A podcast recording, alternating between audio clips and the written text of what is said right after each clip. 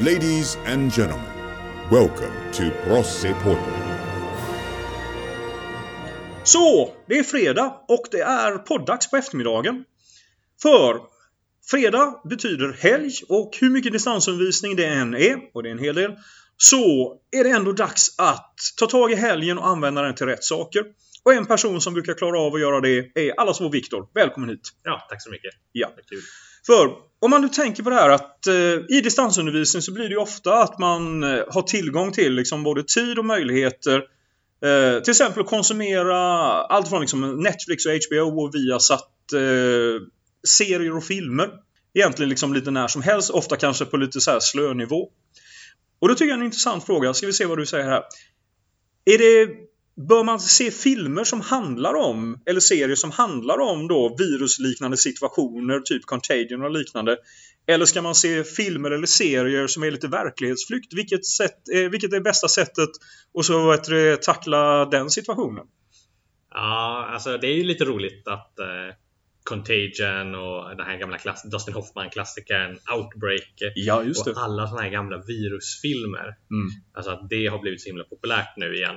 Bara för att det är Corona och ja, alltså nej, det kan ju inte. Det, det ty, tycker jag inte är en positiv grej. Det kan ju inte vara jättebra att titta på en sån film. Speciellt inte Contagion som är en film som jag både som biologilärare och liksom som eh, lite filmfreak alltså gillar jättemycket. Det är en jättebra film. Mm.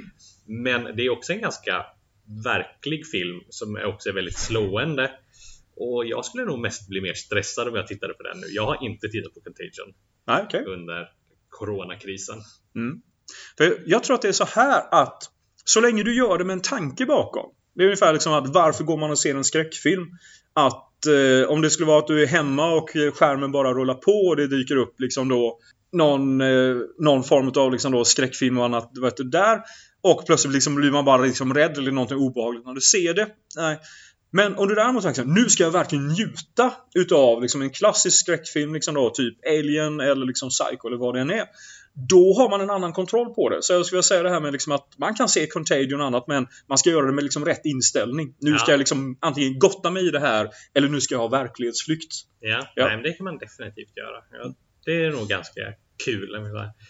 Där har vi ju en, det är ju en hel kategori ganska roliga filmer om man Mm. kommer in med rätt inställning. Alltså världen går under-filmer, katastroffilmer. Sen är det ju bara kanske några av dem som sen då är virusfilmer. Mm, precis. Men det är också att tänka på det här med att eh, man går in i med rätt inställning menar jag. Liksom att nu kommer jag se människor som hamstrar toalettpapper och eh, beväpnar sig, i alla fall om det är amerikanska filmer. Att man då vet att jag ser det här för att det här är liksom inte verkligheten utan jag ser det Nej. för att det är en, liksom en kul berättelse som jag kan associera till. Mm. Mm. Ja. Men om man vill ha till verklighetsflykt istället.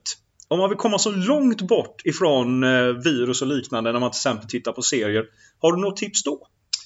Och seriemässigt, där får jag nästan tänka lite. Jag har en grej som faller utanför tv-serier, men som jag Ja. faktiskt själv har börjat med. Som har varit en riktigt eh, bra eh, corona-tidsfördriv för mig. Och det är faktiskt att det, det här har gett mig lite tid att börja spela lite tv-spel igen. faktiskt. Jag, Eh. jag tror inte det är svårt att sälja in det här till eh, den Nej. yngre delen av vår publik. Ja. Och eh, här är jag inne i eh, Civilization och Ah, Sid Meier's klassiska. Sid Meier's ka- klassiska Civilization, alltså att bygga upp de här civilisationerna. Det är liksom en, det är en långsam process. Mm.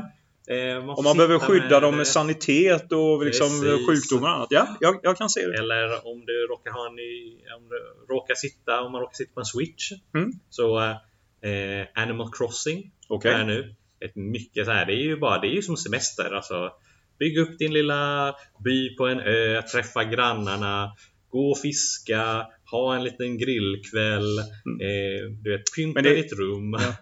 Men är det då nästan så här, är det man kallar för eskapism där man försöker fly från problemet? Total eskapism. Ja. Bara komma bort från det här. Liksom så här. Jag kan inte gå ut och göra det nu, kanske på riktigt. Så då gör jag det på min switch. Om jag ska göra lite reklam här för att det som jag brukar använda för verklighetsflykt verkligen eh, och det är Amazon Prime finns i Sverige numera för 39 kronor i månaden. Jag bara nämner det. Och de har en helt otrolig lista och mängd på indiska filmer. Vi få påpeka att Bollywood, Indien, tillverkar, producerar fler filmer än vad liksom västvärlden gör tillsammans. Och just det här med liksom att du byter språk och kultur och miljö och det är inte alltid att du förstår allting men det är liksom någonting annat än du är van vid. Så att jag tycker om det här när jag vill liksom verkligen nollställa hjärnan och göra någonting helt annat när jag tittar på vet du, skärmar. Indiska filmer, absolut. Lagan finns på eh, Netflix. Två timmar och 45 minuter om en cricketmatch på 1800-talet. Det är en blandning utav eh, Rocky, eh, Sju vågade livet, en western och La La Land samtidigt. Det är ju en fantastiskt rolig filmkategori. Det är ju en sån här sak som jag tycker är roligt att vi båda Ja. gillar indiska filmer så mycket. Men de har liksom en total eskapism Mm. just för att ett, man förstår inte språket riktigt. Det finns kulturella referenser som man inte riktigt kommer in i. Det menar du inte? Men också den här saken om att det är helt rimligt för en stenseriös Bollywoodfilm att fortfarande ha musikal Precis. avsnitten. Liksom här delarna där alla bara börjar sjunga fortfarande och Ja. dansa på gatorna. Och det tycker jag känns upplyftande. Precis. Oavsett situation. Mm. Jag vill att livet ska vara så egentligen nästan ibland. I hear you. Så sammanfattningsvis på det här så kan vi då säga liksom att visst, man kan se liksom och följa både serier och filmer om det som sker nu, alltså virus och liknande. Men då bör man göra det med rätt inställning, att det är liksom inte någonting som förbereder en för verkligheten. Eller så kan man gå åt andra hållet och fly ifrån eh, det här. Om, jag får ge ett, eh, om man vill ha lite roligt med liksom de här slutet av världen-filmerna och virus, då finns det ju en hel del väldigt roliga The zombiefilmer. Ja, ja. The End of the World. Du har Shaun of the Dead. Ja. Eh, oh, vad heter den här med Woody Harrelson och eh, Zombieland. Facebook? Ja. Ja, ja den är bra. Ja, det kom Yes. ju precis en tvåa nu nyligen också som Mm. vi inte kan gå och se på bio. Nej, eh, just det. Så gå och se ettan. Mm, absolut, gör det. Så att antingen så kan man vet du, gotta sig i det som sker eller så kan man fly ifrån det. Men gör det med en tanke bakom. Och tänk på det. Håll studier för studier, träning och eh, socialt och mat för sig och underhållning för sig så blir alla tre delarna bättre. Så varmt tack till dig Viktor att du var här. Ja. Ja, tack för att jag fick vara här. Ja. ja. Hej! Hej! This has been another episode of Prosse Porten.